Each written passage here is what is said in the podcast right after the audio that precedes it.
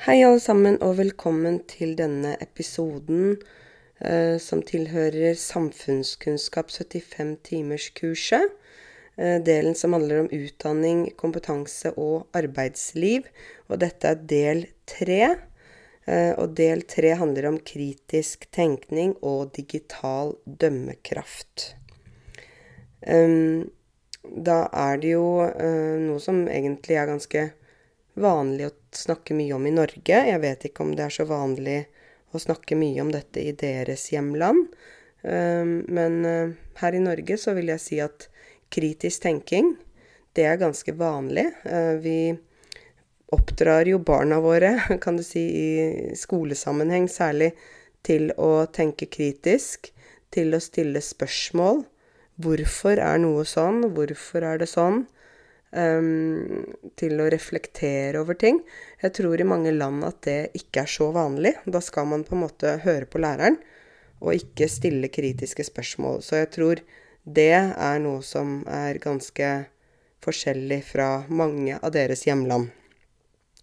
Uh, det er ikke så vanlig å stille spørsmål tilbake til læreren, eller stille spørsmål ved hva man lærer, eller hvorfor man lærer det man lærer. Det tror jeg er ganske uvanlig.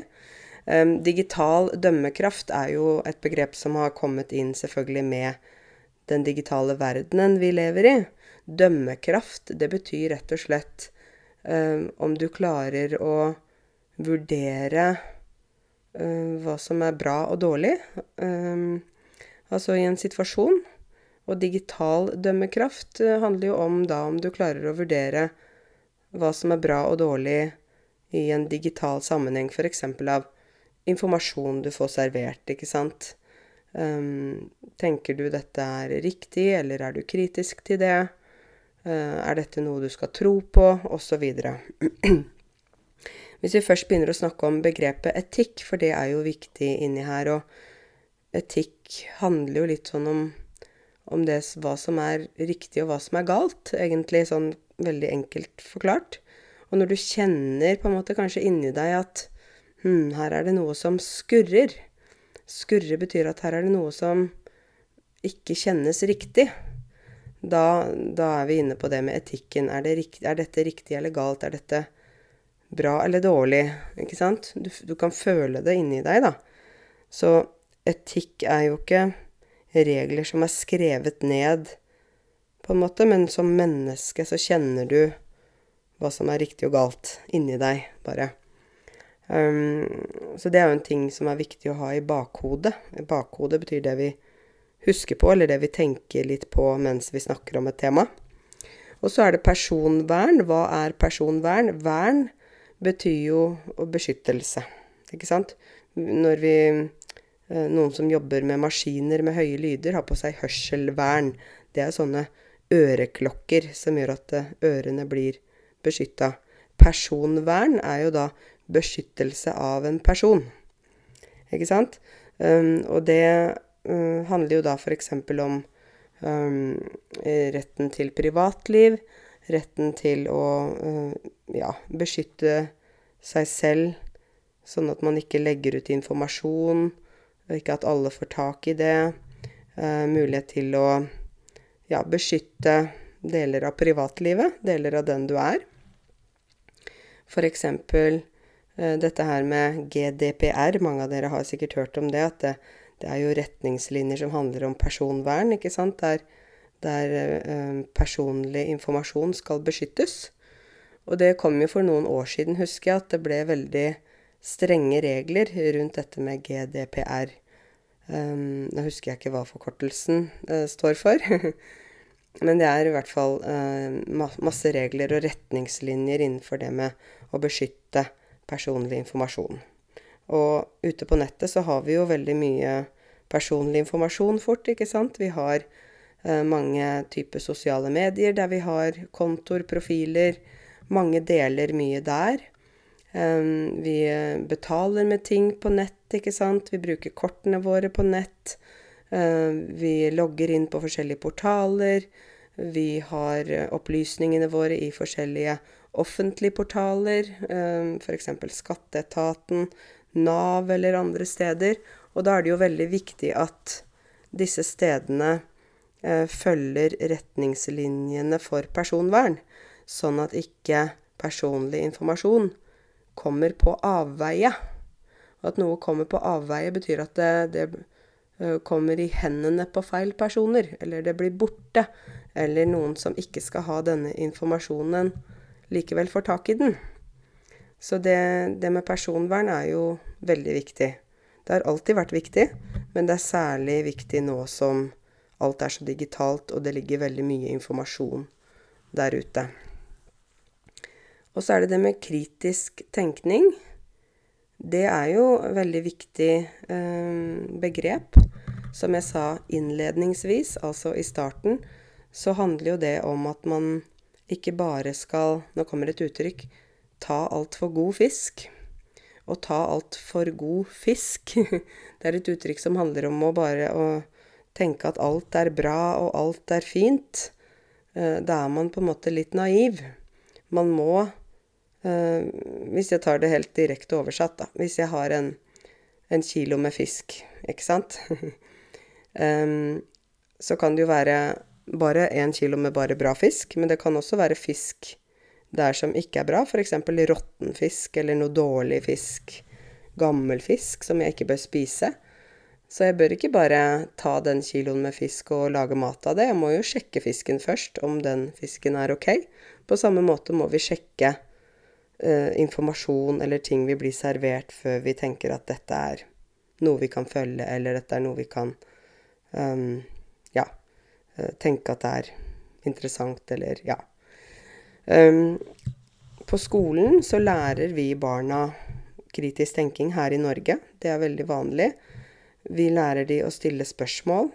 Vi lærer de å på en måte lure på om noe er rett eller galt. Vi vil at de skal stille spørsmål.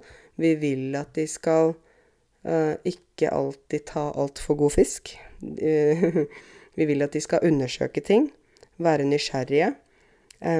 Jeg tror at en del elever som har foreldre med innvandrerbakgrunn, kanskje ikke blir helt forstått på dette når de kommer hjem, ikke sant? Hvis de da begynner å stille kritiske spørsmål til sine foreldre. Eller mamma eller pappa, hvorfor gjør du sånn, eller hva er grunnen til at vi gjør det der, eller Da kan man oppleves som kanskje frekk, selv om man ikke mener det. Um, i Norge mener vi det er veldig viktig at barna stiller spørsmål, uh, og ikke bare er naive eller ikke bare godtar alt de blir servert. Det kan jo også være noen ganger da læreren tar feil, eller kommer med feil informasjon. Um, da jeg underviste mye, så pleide jeg alltid, hvis det var noen ting jeg faktisk ikke visste, eller ikke var sikker på, så pleide jeg å si du vet hva, det må jeg sjekke opp til i morgen. Uh, jeg gir dere heller mer informasjon når jeg har uh, funnet uh, riktig informasjon, eller jeg har lest mer om dette her, fordi jeg kan ikke svare. Men jeg vet jo at en del lærere i en del land, de er så stolte, og de vil aldri si at det er noe de ikke kan, for de er lærere, så de er litt sånn De kan alt, som et orakel. så de vil til og med Jeg har hørt historier om det, at de, de svarer til og med feil bare for å svare istedenfor å si 'dette vet jeg ikke, jeg må sjekke opp'. Og det tenker jeg er en svakhet, fordi da kan jo elevene få servert feil informasjon bare fordi læreren er stolt, ikke sant? Men lærere er jo ikke leksikon, altså på engelsk encyclopedia. Vi er ikke Wikipedia. Vi har også våre begrensninger, ikke sant? Um, dette med digitale medier, sosiale medier, har jo veldig stor ø, påvirkningskraft. Livene våre blir veldig prega av sosiale medier, ikke sant, på godt og vondt. Uh, og da er det veldig viktig at informasjon som vi kommer over, um, må vi være litt sånn våkne på. Vi må ikke bare liksom akseptere alt eller uh, tro på alt. Vi må kanskje av og til sjekke kildene. Og det å sjekke en kilde betyr hvor kommer denne informasjonen fra? Ordet kilde er jo egentlig litt fint fordi f.eks. For hvis vi tenker en vannkilde Det er jo der vannet kommer fra. Eksempel har dere kanskje drukket vannet Farris. Altså sånn, det er jo vann med, med kullsyre. Det kommer jo fra Farriskilden, som er en kilde, vannkilde. Og hvis du får informasjon servert, eller nyheter eller noe sånt, så må du, bør du, i hvert fall av og til sjekke litt hva som er kilden, hva er opphavet, hvor kommer denne informasjonen fra. Og av og til, når man da faktisk sjekker, så kommer det fra kanskje et sted som ikke var så seriøst. Og da skjønner man kanskje hm, det kan godt hende at dette ikke er sant. Så det er veldig viktig. Um, det er noen kilder som er mer troverdige enn andre kilder. Uh, for eksempel um, kan det være store nasjonale aviser. Det kan være f.eks. leksikon. Vi har jo store norske leksikon på nett, ikke sant. Wikipedia stemmer jo ofte, men det kan jo være ting som er feil der også. Ja, så det er en del sånn Vi må være kritiske til hvilke kilder som har blitt brukt, som er bakgrunnen for det vi leser. Det er jo derfor også uh, når noen skriver da bachelorgrad, mastergrad, ikke sant, sånne ting, skriver oppgavene sine, så må de henvise til kilder. De kommer med masse fin teori og sånn, men hvor har de funnet det? Fordi hvis man ikke måtte vise til kilder, f.eks. i en masteroppgave, så kunne man jo bare skrive masse fra fantasien og finne på mange ting som kanskje ikke var sant. Og da ville jo ikke mastergraden egentlig, denne oppgaven, ha en verdi, fordi det bare var oppspinn. Oppspinn betyr tull. Så derfor er det viktig å komme med kilder der også. Sånn er det hele veien. Um, vi tar jo mange valg hver dag. Vi tar valg om ikke sant? Hva vi skal spise, hvor vi skal dra, hvor vi jobber, eh, hva vi skal ha til middag, eh, hva vi leser på nett. Vi tar mange valg. Eh, og hvis vi da har en etisk bevissthet, altså vi tenker, har liksom Føler med inni oss hva som er rett og hva som er galt, hva vi bør gjøre, hva vi ikke bør gjøre, så hjelper det oss å ta riktig valg i livene våre. Ta riktig valg for samfunnet og for folk som er nær oss selv. Så dette med å ha etisk bevissthet, da, er eh, egentlig veldig viktig. Det er kanskje ikke noe som dere tenker så mye på, men det er faktisk noe som er viktig å, å ha litt fokus på. Um, jeg vet ikke hvor opptatt dere er av å tenke på hvor troverdig informasjonen dere kommer over på nettet er. Troverdighet betyr om det er uh, noe du kan stole på, noe som er sant. Vi får jo veldig masse informasjon hele tiden fra ulike kilder. Av og til kan det være slitsomt. Man kan bli litt sånn svimmel, ikke sant? Så vi forholder oss til mye informasjon hele tiden, hver dag. Og noen ganger får vi noe informasjon fra et sted, og så leser vi et annet sted noe som er motsatt, og da blir vi jo veldig forvirra. Og hvem er det man kan stole på da, hvis den ene sier sånn, og den andre sier sånn? Eh, da kan det jo hende den som har kommet med informasjon, har en agenda, ønsker å påvirke, eller ønsker å, at noen skal ta side, ikke sant? Um, er det informasjon fra myndighetene som stemmer, er det, eller er det informasjon fra vennene dine som har lest noe som stemmer? Er denne informasjonen motstridende? Går de mot hverandre? Ikke sant? Um, og hvis, hvis, barna ikke lærer å si imot foreldrene sine hjemme, hvis de, ikke, hvis de ikke får lov til å stille kritiske spørsmål, og samtidig lærer de på barnehagen og skolen at de skal stille kritiske spørsmål og skal argumentere, så blir jo det veldig motstridende. Da får de lov til å gjøre én ting på skolen, så kommer de hjem, og da må de bare være enige med foreldrene, ikke sant. Um, jeg syns jo av og til, hvis foreldre er veldig sånn Nei, mamma og pappa har rett. Dere barn, dere vet ingenting. Vi er de som er eldre. Dere har ikke noe dere skal si. Hør på oss, vi vet best. Ja, i mange sammenhenger vet de voksne best. Men av og til så kan det hende barna vet ting som dere ikke vet. Vi lever jo i en verden som er en situasjon som er veldig spesiell, der på mange måter så vet barna mer enn oss. Barna våre vet mer enn oss om det digitale der ute, den digitale verdenen. Barna er raskere på det. Eh, og det har vel aldri vært i menneskets historie, egentlig, at du har hatt barn som sitter sammen med besteforeldre og forteller besteforeldrene hva de skal gjøre når det gjelder da f.eks. datamaskin, nettbank, Facebook og sånne ting. Det har jo alltid vært andre veien. Det har vært besteforeldrene som har vært de kloke, de gamle, og som har hatt alle svar, og som barna har hørt på. Nå har vi plutselig snudd alt 180 grader rundt. Nå er det barn som forteller de gamle det de vet. Og de gamle vet kanskje ingenting om en del temaer. Og det, det er jo en stor endring i verdenshistorien, i menneskets historie, faktisk. Og det er jo fordi det digitale har gått så fort. Den digitale revolusjonen, kan vi si. Det har bare skjedd på et blunk. Uh, og plutselig så er vi her. Så jeg tenker det er viktig at barna får lov til å tenke kritisk. Men samtidig så må de jo ikke bli kverulerende eller sånn at de alltid skal være kritisk. De må jo også klare å akseptere ting som foreldrene sier til dem. Det er viktig. En balansegang der tenker jeg er veldig viktig, da. Eh, fordi at hvis det bare blir barna som har alt rett, eller det bare blir foreldrene, da mister man jo litt, egentlig, poenget med hele kritisk tenkning.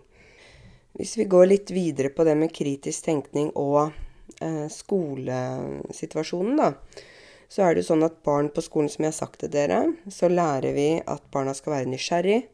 De skal bruke kunnskapene de får. De skal gjøre valg som er riktig for dem. Og de lærer å argumentere, de lærer å drøfte, de lærer å være kreative. Så før så har det jo vært sånn at læreren står og forteller ting. Elevene har tatt notater. Kanskje du gikk på en sånn type skole. Det er mange som har gjort det. Um, men da blir det bare reproduksjon av kunnskap, ikke sant? Læreren forteller, elevene skriver, de forteller hva læreren har sagt. Å, bravo, du fikk 100 poeng, du husket alle tingene læreren har sagt. Men i dagens samfunn holder ikke det. Fordi man må, for å få ny kunnskap, og for at den kunnskapen skal utvikles, så må man stille spørsmål og diskutere. Sånn får man utvikling. Eh, samtidig så må du også være åpen for at det du vet, kanskje ikke alltid er komplett. Ikke sant? Det kan absolutt være at du vet mye, men du vet ikke alt. Så du må også være åpen for at det vil være ting du ikke vet. Sånn som elevene våre. De kan ikke gå rundt som verdensmestere. Ikke sant? Det er fortsatt mye de ikke vet. Um, og i dag så lever vi i et informasjonssamfunn, og ingen av oss kan gå rundt med all den informasjonen som finnes, inni hodet. Ikke sant? Og da er det veldig viktig at vi lærer oss å sile ut. Så kjenner verbet 'å sile'. Um, hvis du har um, bønner eh, som du putter i en sil, og så, og så, lar du vannet renne, sånn at du siler ut den eh, laken som eh, bønnene har ligget i, da siler du det. Eller du kan ha for f.eks. jord i en sil, og så siler du med vann, så kommer det steinene som blir igjen. Skjønner du hva sil er da? Litt vanskelig å forklare. Men vi må lære å skille ut, da, hvilken informasjon vi trenger. Vi trenger jo ikke vite alt. Uh, vi må lære å bruke Internett på en fornuftig måte. Sånn at vi kan lete etter informasjon og få svar raskt fra troverdige kilder. Og vi må også klare å lete etter informasjon i bøker. Eh, jeg håper at bøker aldri forsvinner, for jeg tror vi mennesker trenger bøker. Eh, alle kan legge ut informasjon på internett, men alt som finnes der, er ikke riktig. Og derfor må vi være det vi kaller for kildekritiske. Eh, du må vurdere det du leser og du må stille noen kritiske spørsmål. Eksempel hvem er det som har skrevet denne teksten?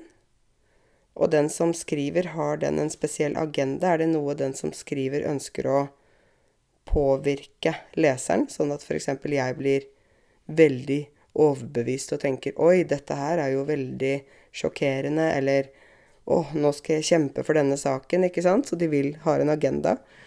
Hva er det den som har skrevet teksten, hva er det den personen ønsker å oppnå med å skrive på denne måten.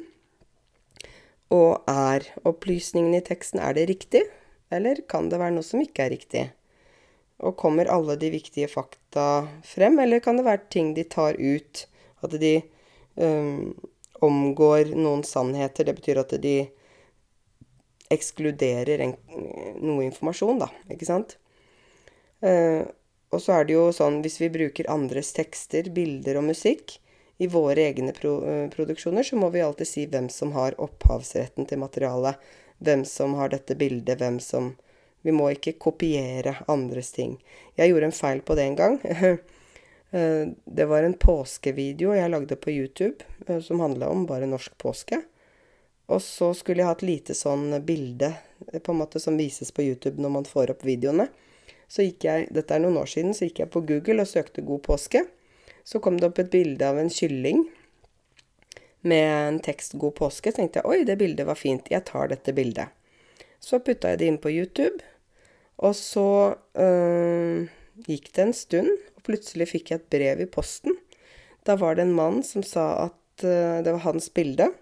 Og ettersom jeg ikke har skrevet at det var hans bilde, så måtte jeg betale han uh, for det, og prisen var 10 000 kroner.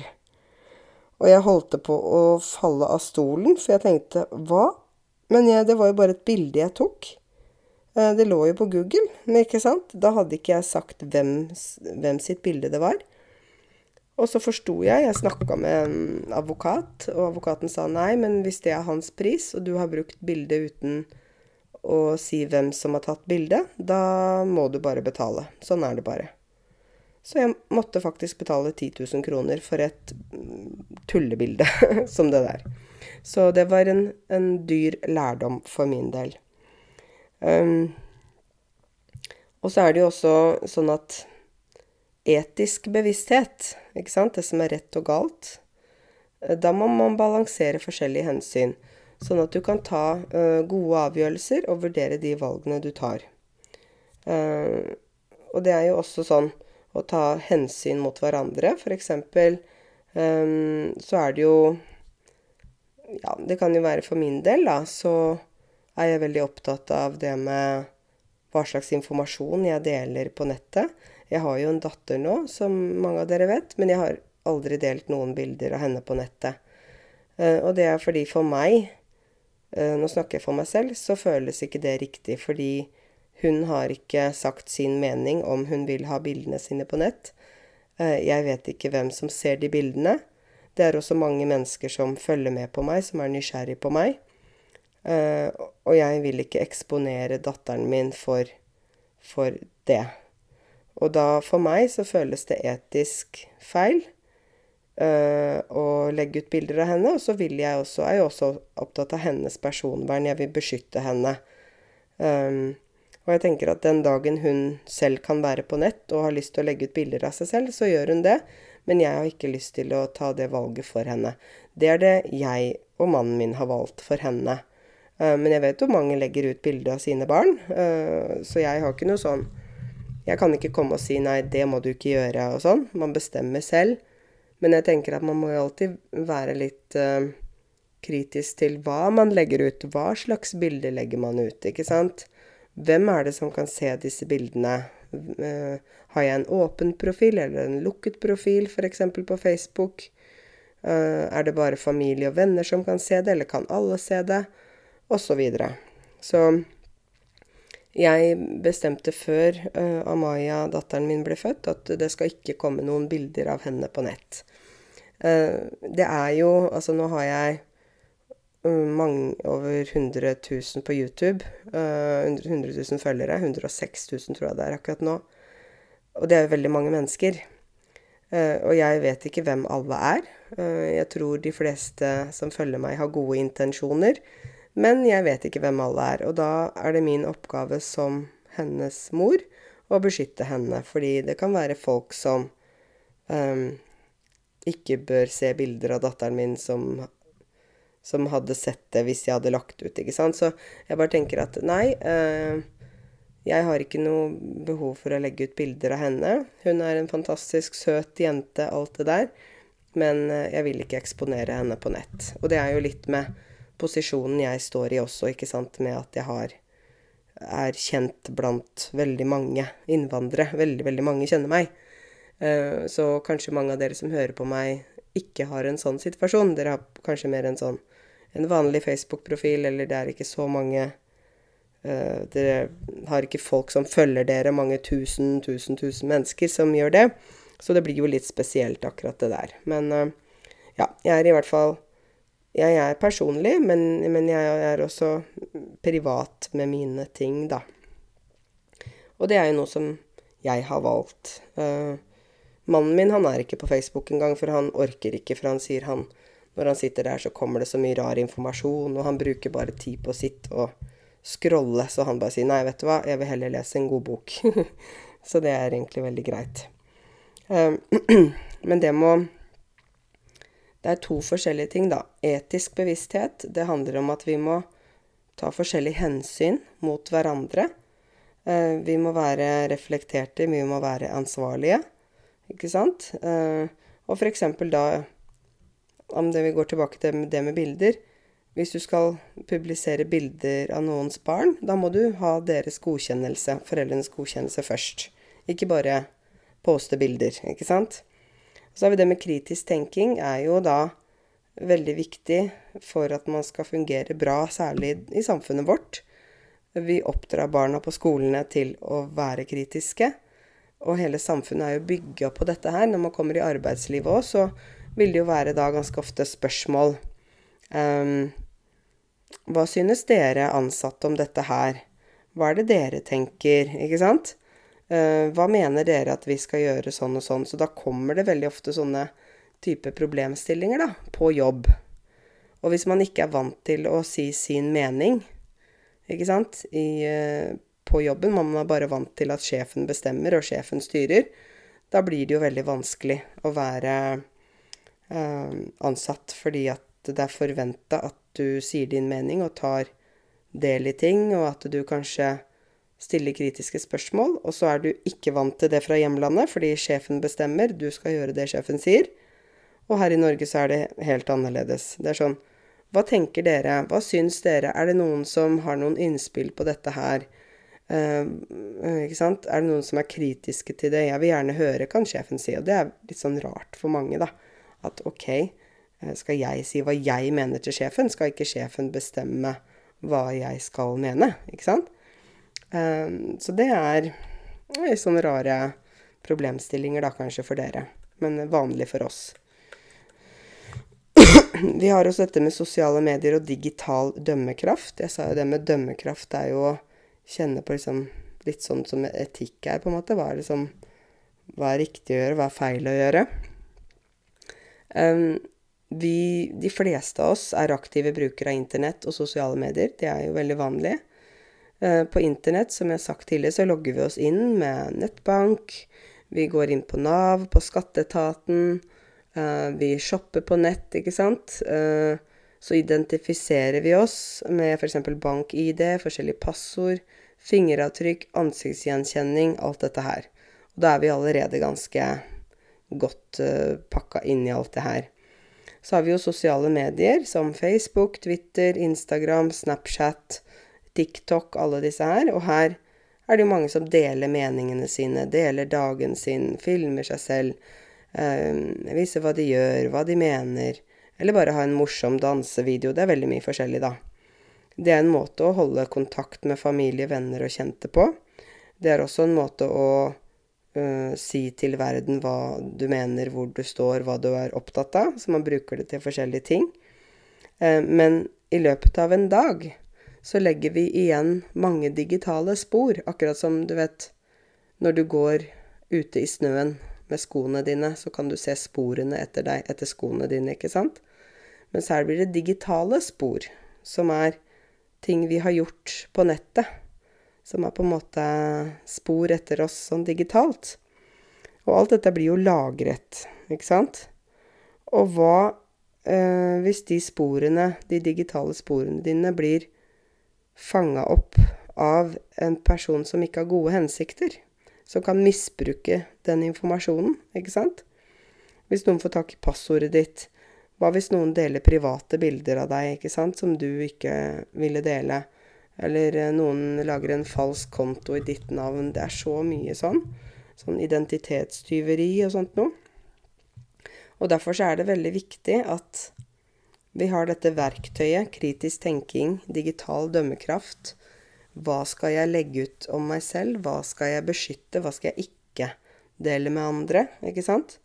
Um, fordi du må tenke at det kan bli stjålet. Det kan være folk som får tak i det, som ikke bør få tak i det. Ikke sant? Og da, da kan det bli alvorlig. Det kan jo være noen som stjeler uh, bilder av barnet ditt til å bruke til jeg vet ikke hva, ikke sant? Um, det kan være noen som um, får tak i betalingsinformasjon. Også det er jo folk som kan hacke seg inn i mange systemer uh, og få tak i mye som er personlig sensitiv informasjon. Igjen så er det dette med personvern, ikke sant. Um, hvis du skal dele noe om andre, andre mennesker, f.eks. bilder eller navnet deres eller noe sånt, så bør du alltid spørre dem er det greit at jeg deler bilde av deg, er det greit at jeg nevner deg i denne artikkelen jeg har skrevet. Spør alltid om lov først, uh, istedenfor å bare poste, og så er det noen da den personen ser det, blir sint, og så må du slette det. Ikke sant? Da blir det så dumt. Så det er mye bedre å være i forkant, gjøre det på forhånd. Um, det som er viktig med personvern, er jo om at man har rett til et privatliv. Man har rett til uh, å bestemme over sine egne personopplysninger. Uh, det er f.eks. navn, adresse, telefonnummer, e-postadresse, personnummer, etnisk opprinnelse osv. Um, og så har vi jo da vår egenverdi. Og den egenverdien er ukrenkelig. Det betyr at man kan ikke, noen kan ikke krenke din verdi. De kan ikke komme og på en måte um, ja, eh, diskriminere deg eller gjøre noe mot den verdien du har som menneske. Du har rett på eh, et privatliv som du selv eh, kontrollerer. Og du har rett til å gjøre ting fritt, uten tvang, uten at du blir kontrollert, eller at staten blander seg inn, eller andre mennesker blander seg inn. Eh, og det er jo en, faktisk en del av den eh, europeiske men menneskerettighetskonvensjonen. Du har rett på eh, en egenverdi. Men selvfølgelig så er jo ikke det sånn at det er tilfellet i alle land. Det er jo mange land der staten kontrollerer alt. Der ytringsfriheten er mer eller mindre borte. Det er land der de stenger ned mange forskjellige sosiale medier fordi at du ikke skal ha den friheten. Eh, eller at eh, kontoen din blir stengt, ikke sant. Selvfølgelig så må man Man kan jo ikke være helt uh, idiot og komme med masse stygt på nett. Man har jo ikke lov til å diskriminere eller være rasistisk eller uh, krenkende eller sånn mot andre. Men man må få lov å være en egen person. Men nå snakker jeg om da samfunn, regimer, der staten styrer alt. Dere vet jo sikkert hva slags land jeg da tenker på. F.eks. Nord-Korea, ikke sant? Eller um, Iran er jo et sånn type land. Um, det er Russland er det jo mye som er statlig styrt, der man ikke har frihet til å bruke det man vil. Kina. Det er flere land, da, der det, det blir kontrollert. At myndighetene kontrollerer. Sånn har vi det ikke i Norge. Uh, men uh, da er det jo veldig viktig at vi har digital dømmekraft. At vi klarer selv å vurdere hva som er riktig og galt når vi handler digitalt, når vi, når vi gjør ting der ute i den digitale verden. Um, fordi da er det vi som må beskytte oss selv og tenke fornuftig og være litt sånn føre var. Det betyr å være litt obs på forhånd. Um, det er mange som deler meningene sine på sosiale medier og Internett. Man skriver, man diskuterer, man argumenterer, man krangler. Noen kaster dritt mot hverandre, og kaste dritt betyr at man er stygg med hverandre. Um, så ytringsfriheten har jo veldig stort spillerom på sosiale medier. Um, men igjen så er ytringsfriheten har jo også noen begrensninger. Det begrenses av personvern, ikke sant? Uh, av noen lovparagrafer som f.eks. diskriminering og rasisme, sånne ting. Man kan ikke skrive rasistiske eller diskriminerende utsagn. Men det er likevel mange som trår over de grensene, og som gjør det likevel. Ikke sant? Uh, sånn som jeg har sett gjennom lang tid nå, så virker det som at folk som kanskje egentlig nesten er litt sjenerte, syns det er veldig lett å sitte på nettet og bare skrive masse rart og være med i diskusjoner og si stygge ting og sånn. Vi kaller jo dem da for nettroll. Um, det er jo lettere å skrive når du ikke må se noen i øynene og sitter i samme rom som dem, ikke sant? Um, og der, der, du kan være anonym og komme med anonyme innlegg, så er det jo skjult. Da vet jo ikke folk hvem du er heller. Uh, og da kan man da kan man jo oppleve at folk skriver ting som er støtende, altså som er direkte fornærmende øh, eller ulovlige. Um, og et kjennetegn på god digital dømmekraft da er om man bare formulerer kommentarer på internett som man hadde klart å si til andre face to face, altså ansikt til ansikt. Hvis det du skriver er noe du ikke hadde klart å si til et ordentlig menneske hvis dere hadde vært i samme rom, så bør du ikke skrive det. Ikke sant? Du bør kunne klare å faktisk stå for det, og ikke være feig, da. Det, det handler jo om å være feig. Um, jeg har jo egentlig hatt veldig um, få problemer med nettroll. Altså det er veldig få stygge kommentarer jeg har fått gjennom årenes løp som jeg har drevet med YouTube. Det er jo veldig mange år nå jeg, jeg har gjort det. Jeg har hatt Facebook-gruppen i mange år. Jeg har vært på, på, på, nett i mange år, også som da norsklærer Karense, som mange kjenner meg som.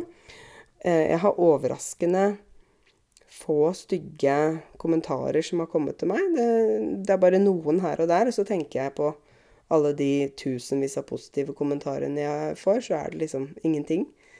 Um, det kommer jo noen kommentarer av og til som kan såre meg. Eh, selvfølgelig. Jeg er jo bare et menneske, jeg også. Men da prøver jeg å tenke at vet du hva, du som sitter der hjemme og skriver og er stygg i munnen, du er egentlig bare veldig feig. Du, ikke, du hadde ikke turt å sagt det til meg ansikt til ansikt hvis vi var i samme rom.